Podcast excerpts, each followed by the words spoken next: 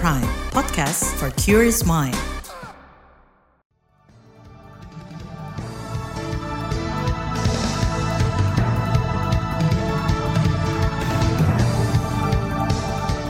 Selamat pagi saudara, berjumpa kembali dalam program Buletin Pagi edisi Kamis 14 Desember 2023. Saya Naomi Liandra. Sejumlah informasi pilihan telah kami siapkan, di antaranya jelang pencoblosan pemilih bimbang masih tinggi. Presiden dorong petani genjot produksi tadam, Komnas HAM Papua belum puas dengan janji capres tuntaskan konflik. Inilah Buletin Pagi selengkapnya. Terbaru di Buletin Pagi. Saudara Badan Pengawas Pemilu Bawaslu menilai upaya Komisi Pemilihan Umum KPU dalam sosialisasi visi misi pasangan calon presiden dan wakil presiden sudah optimal. Anggota Bawaslu RI Toto Haryono menyebut sosialisasi kepada pemilih disalurkan melalui berbagai media yang dapat dijangkau masyarakat. Dia berharap berbagai upaya sosialisasi itu dapat membantu pemilih bimbang atau undecided voters untuk mengenali gagasan-gagasan para paslon – salah satunya melalui debat Capres-Cawapres. Walaupun tidak langsung masih ada waktu kita mm -hmm. yang 70 hari ini untuk menentukan sikap dan ada masa tenang untuk mereduksi pikiran-pikiran itu menjadi yang terbaik. Kami berpikiran positif bahwa tingkat partisipasi masyarakat akan tetap sama dengan kemarin atau meningkat dengan dinamika yang luar biasa dan medsos yang juga luar biasa tentu ada sisi positif dan negatifnya hmm. tapi semua itu memancing harapan untuk terpilihnya pemimpin nasional yang terbaik. Anggota Bawaslu RI Toto Haryono mendorong peserta pemilu tidak hanya berusaha untuk meraih dukungan pemilih melainkan juga mengedukasi masyarakat guna mewujudkan pemilu berintegritas dan demokratis. Semisal dengan tidak melakukan politik uang dan menyebarkan informasi bohong atau hoax. Litbang Kompas merilis hasil survei periode Desember 2023. Jumlah pemilih bimbang mencapai 28,7 persen. Mereka merupakan pemilih yang belum menentukan pilihan. Sebagian besar alasannya karena belum menemukan calon capres-cawapres yang sesuai dengan pilihan mereka. Ada juga pemilih yang menjawab dengan alasan kerahasiaan dan menjadi hak pribadi. Sebagian responden dari kelompok ini menjadikan debat capres sebagai bahan pertimbangan untuk memutuskan pilihan. 5 persen di antaranya akan mempertimbangkan visi misi yang ditawarkan paslon. Sementara itu, indikator politik Indonesia mengungkap pada periode yang berdekatan, angka pemilih bimbang itu kurang dari 6 persen. Namun pemilih yang termasuk swing voters atau masih bisa mengubah pilihannya sebanyak 20-an persen. Komisi Pemilihan Umum KPU mengklaim penyelenggaraan debat pada Pilpres 2024 lebih memberikan ruang bagi peserta debat untuk saling berinteraksi. Ketua KPU Hashim Asyari berharap mekanisme debat dapat membuat masing-masing capres dan cawapres bisa saling mengkritisi gagasan yang disampaikan. Di dalam rundown itu justru apa kesempatan antar calon untuk berinteraksi itu berdikatakan untuk debat pemilu 2024 ini lebih banyak ya. Sebagai gambaran begini, pada kesempatan pertama itu nanti saya sampaikan bahwa panelis akan menyusun 18 pertanyaan. 18 pertanyaan itu kan ada 6 segmen. Berarti ada tiga pertanyaan yang disiapkan untuk masing-masing segmen. Satu segmen ada tiga pertanyaan. Ketua KPU Hashim Asyari menambahkan ada empat khusus dari total enam segmen yang dapat dimanfaatkan untuk saling berinteraksi. Namun pada segmen menjawab, panelis tidak ada pertanyaan tambahan untuk mempertajam gagasan capres maupun cawapres. Karenanya kata Hashim, penilaian jawaban capres-cawapres terhadap kesesuaian tema dan pertanyaan itu diserahkan kepada pemilih. Sementara itu calon presiden nomor urut 1 Anies Baswedan mengatakan tingginya angka pemilih bimbang mengindikasikan hasil survei yang masih dinamis. Dia meyakini hasil survei elektabilitas ketiga paslon masih bisa berubah signifikan. Anies menambahkan dirinya bakal berusaha menggait pemilih bimbang. Tim Nasional Pemenangan Anies Muhaimin kata dia bakal terus menggencarkan gagasan untuk meyakinkan para pemilih. Namun dia juga mengimbau pemilih menentukan pemimpin negara secara objektif. Senada cawapres nomor urut 3 Mahfud MD optimistis dapat merebut suara masyarakat Indonesia yang belum menentukan pilihan pada pemilu nanti. Dia mengklaim penampilan capresnya Ganjar Pranowo saat debat memuaskan pemilih karena menguasai 95 persen topik pembahasan soal hukum dan HAM. Mahfud menjelaskan jawaban Ganjar sesuai dengan ketentuan perundangan dan situasi sosial politik di masyarakat saat ini. Keyakinan yang sama juga disampaikan tim kampanye nasional TKN. Prabowo Gibran. Alasannya menurut Sekretaris TKN Prabowo Gibran Nusron Wahid, Prabowo tampil tenang saat debat putaran pertama di kantor KPU Pusat. Dikutip antara, Nusron mengatakan penampilan debat Prabowo berbeda dibanding pada pemilu sebelumnya.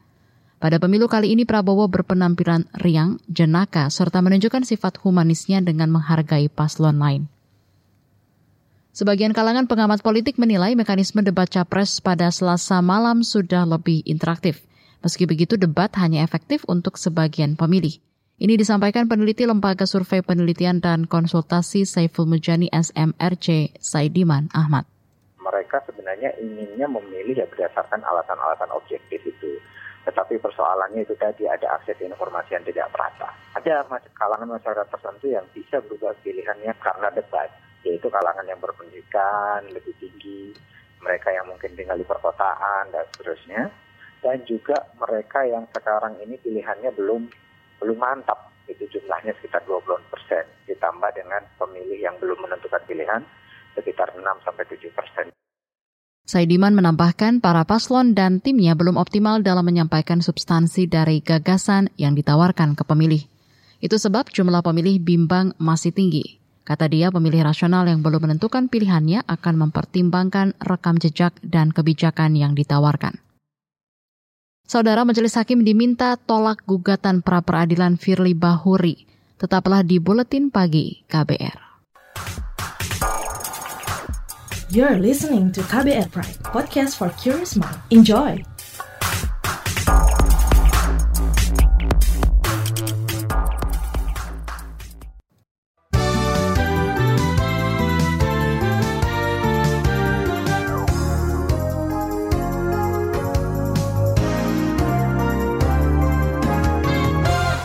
Anda sedang mendengarkan buletin pagi KBR.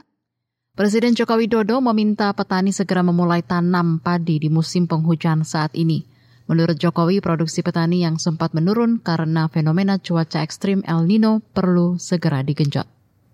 Karena hujan sudah mulai di banyak provinsi, kita ingin mendorong agar petani segera memulai menanam padi karena apa waktu kita kemarin agak karena El Nino agak mundur sedikit sehingga ini segera kita kejar agar tanam, tanam, tanam karena kita harapkan nanti di bulan Maret atau April kita sudah mulai panen. Presiden Jokowi juga meminta jajarannya mendukung para petani dengan distribusi pupuk yang lancar dan memadai. Jokowi mengklaim telah meminta Menteri Pertanian Amran Sulaiman mengantisipasi terjadinya kelangkaan pupuk di daerah. Kabar Pemilu. Kabar Pemilu. Panelis debat periode pemilu 2019 Bivitri Susanti menilai debat calon presiden pada selasa malam masih belum memuaskan.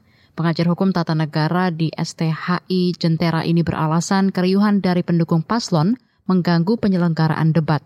Selain itu menurutnya peran panelis tidak maksimal sih memang agak sulit ya karena panelis hanya membuat pertanyaan. Jadi banyak sekali pertanyaan yang sifatnya memang normatif cenderung seperti memberikan soal pertanyaan kepada mahasiswa gitu. bukan sesuatu yang bisa dikejar jawabannya dan memang dari segi formatnya juga kan kalau pertanyaan yang dari panelis ya topik-topiknya itu bagus-bagus sih tapi karena pertanyaannya normatif dan tidak boleh dikejar sampai dapat jawaban yang bisa benar-benar konkret, maka jadinya ngambang aja seperti tanya jawab biasa. Bivitri yang pemilu kali ini menolak menjadi panelis juga menyoroti penampilan debat capres yang membahas isu hukum, demokrasi hingga hak asasi manusia. Kata dia paslon nomor urut 1 Anies Baswedan yang topik pembahasannya paling sesuai terhadap tema debat. Sementara capres nomor urut 3 Ganjar Pranowo dinilai agak keluar tema debat meskipun masih berhubungan dengan hukum.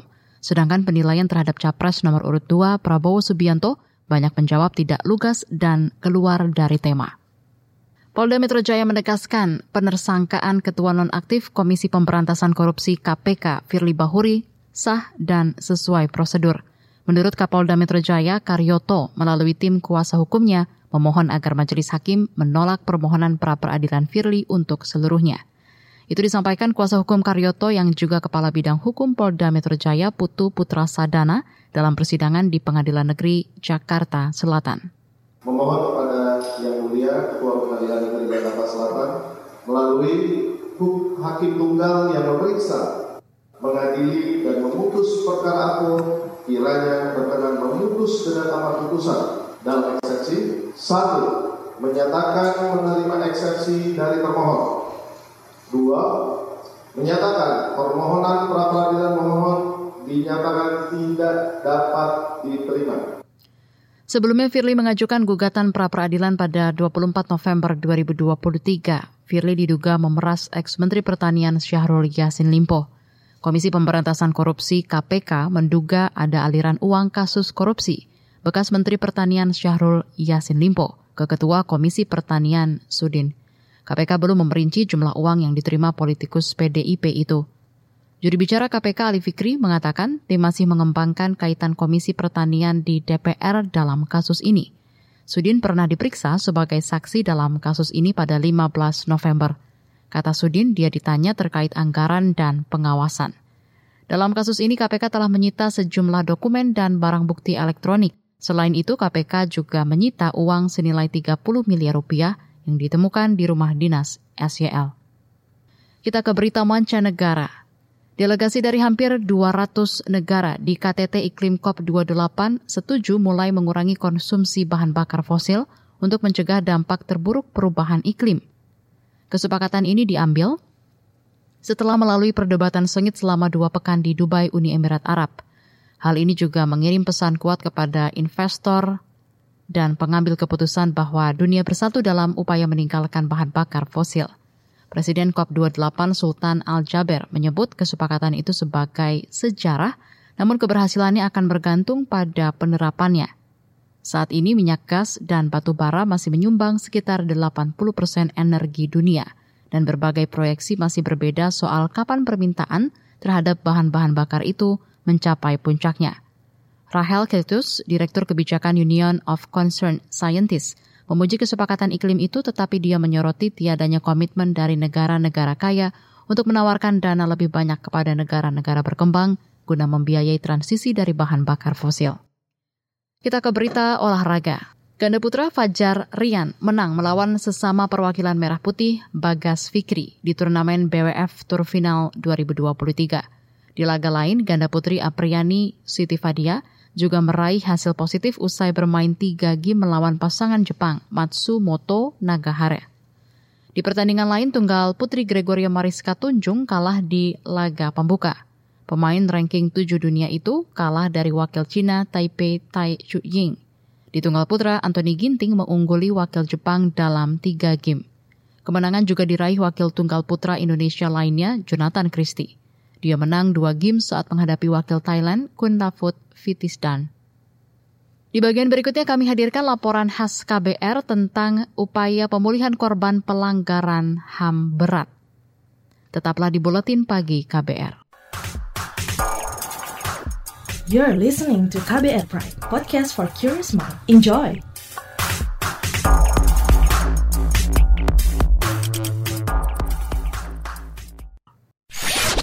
Commercial break. Commercial break. Permisi, Mas. Iya, Mbak. Numpang nanya, Mau nanya apa? Tahu KBR pagi nggak? Udah pasti tahu dong, karena aku sekeluarga udah lama langganan KBR Pagi. Banyak informasi, mulai dari berita sosial, budaya, politik, hukum, berita nasional maupun daerah, berita terkini sampai berita viral. Semua ada di KBR Pagi. Pokoknya kurang lengkap aja rasanya kalau sehari nggak dengerin KBR Pagi di kbrprime.id. Cari aja KBR Pagi. Loh, kok Mas hafal banget? Jangan-jangan Mas hostnya ya? Hayo ngaku. Kamu Don Brady kan? Eh, eh, eh, eh, eh, kabur. KBR Prime, podcast for curious mind.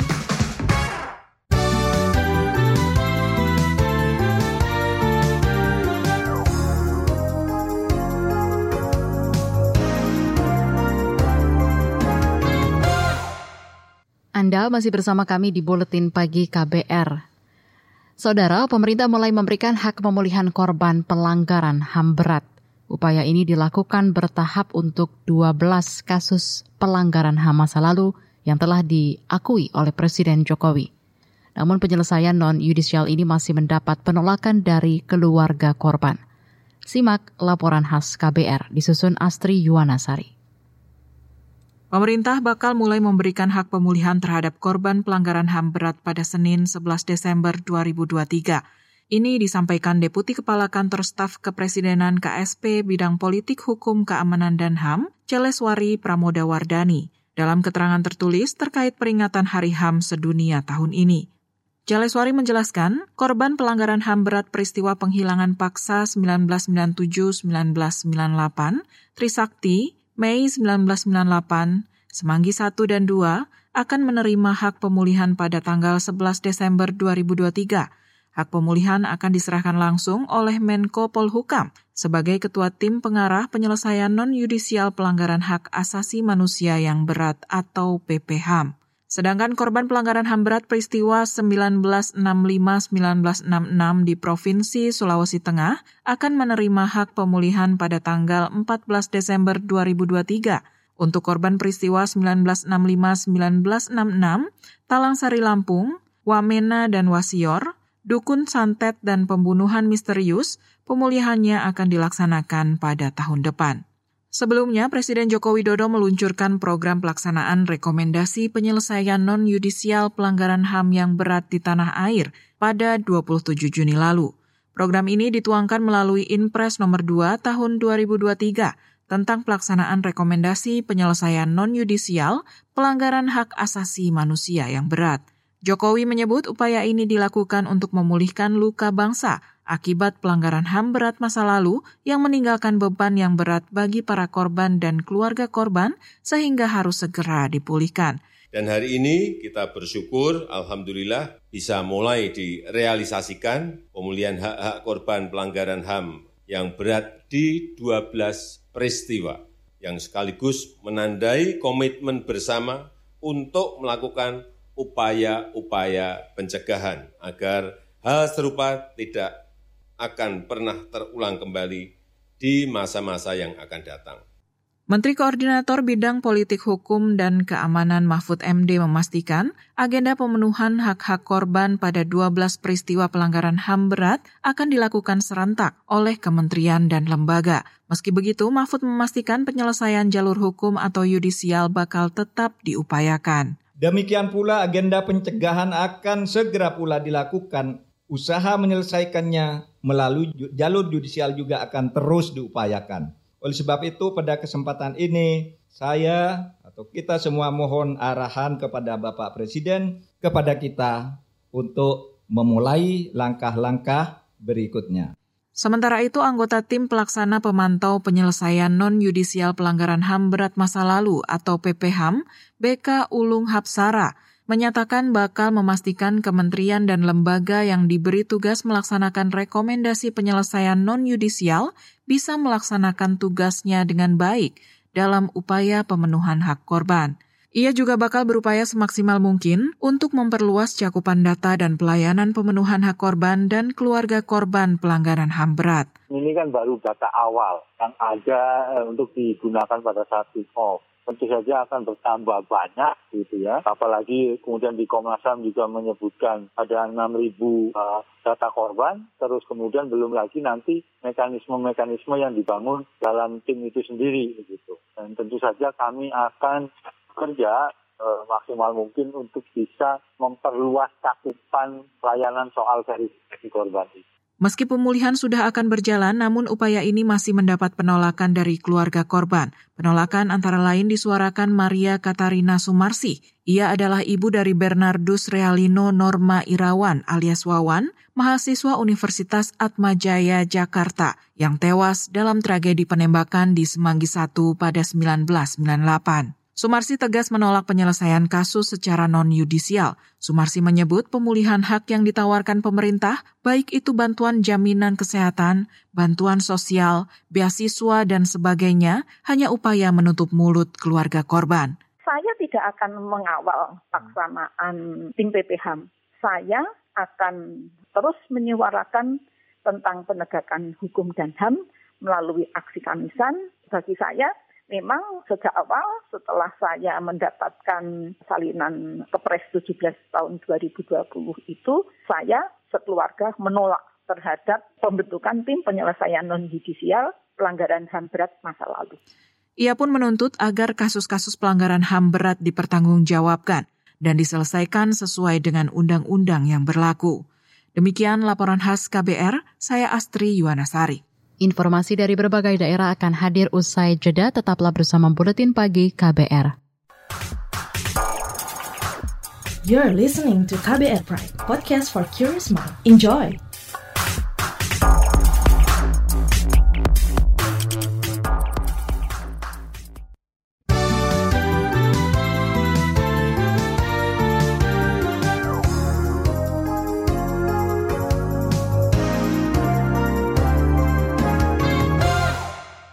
Inilah bagian akhir buletin pagi KBR.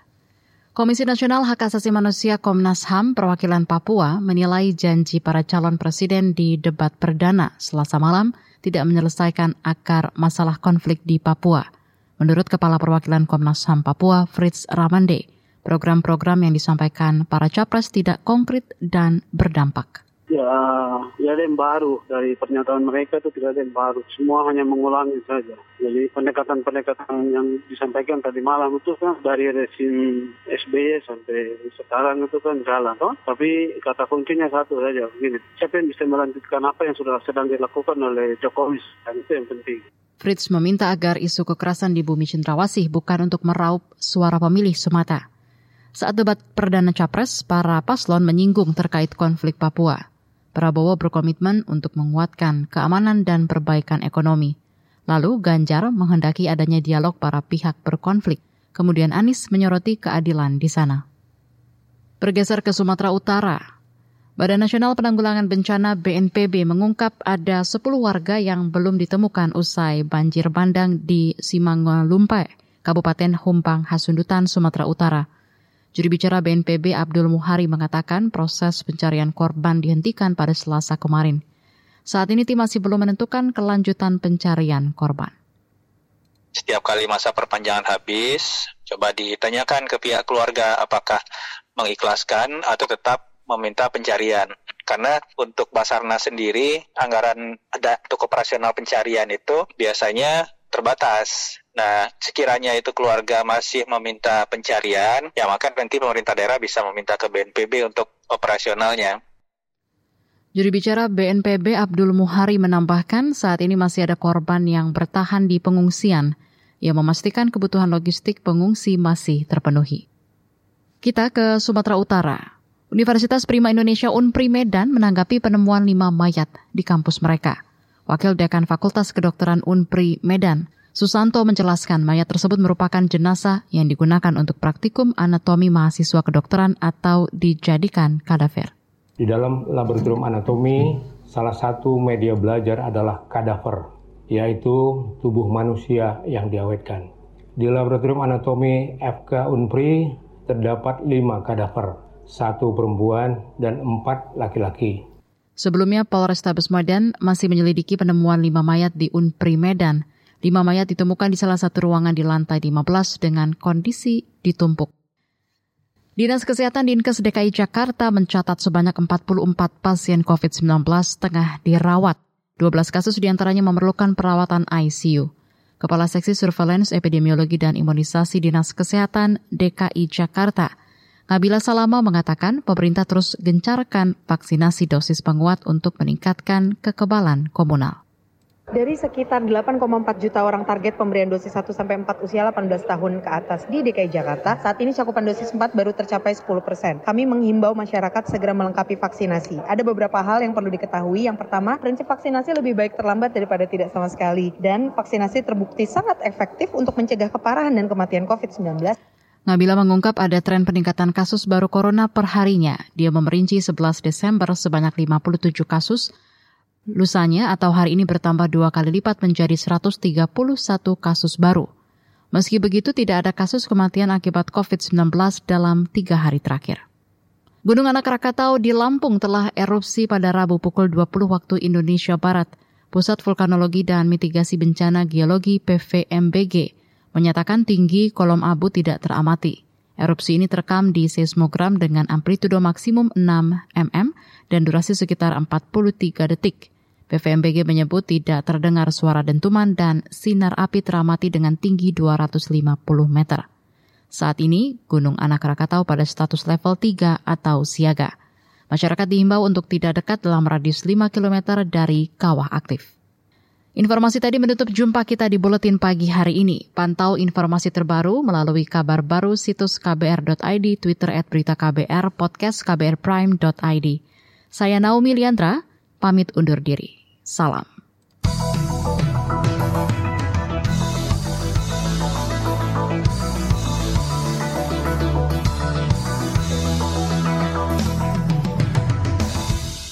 KBR Prime, cara asik mendengar berita. KBR Prime, podcast for curious mind.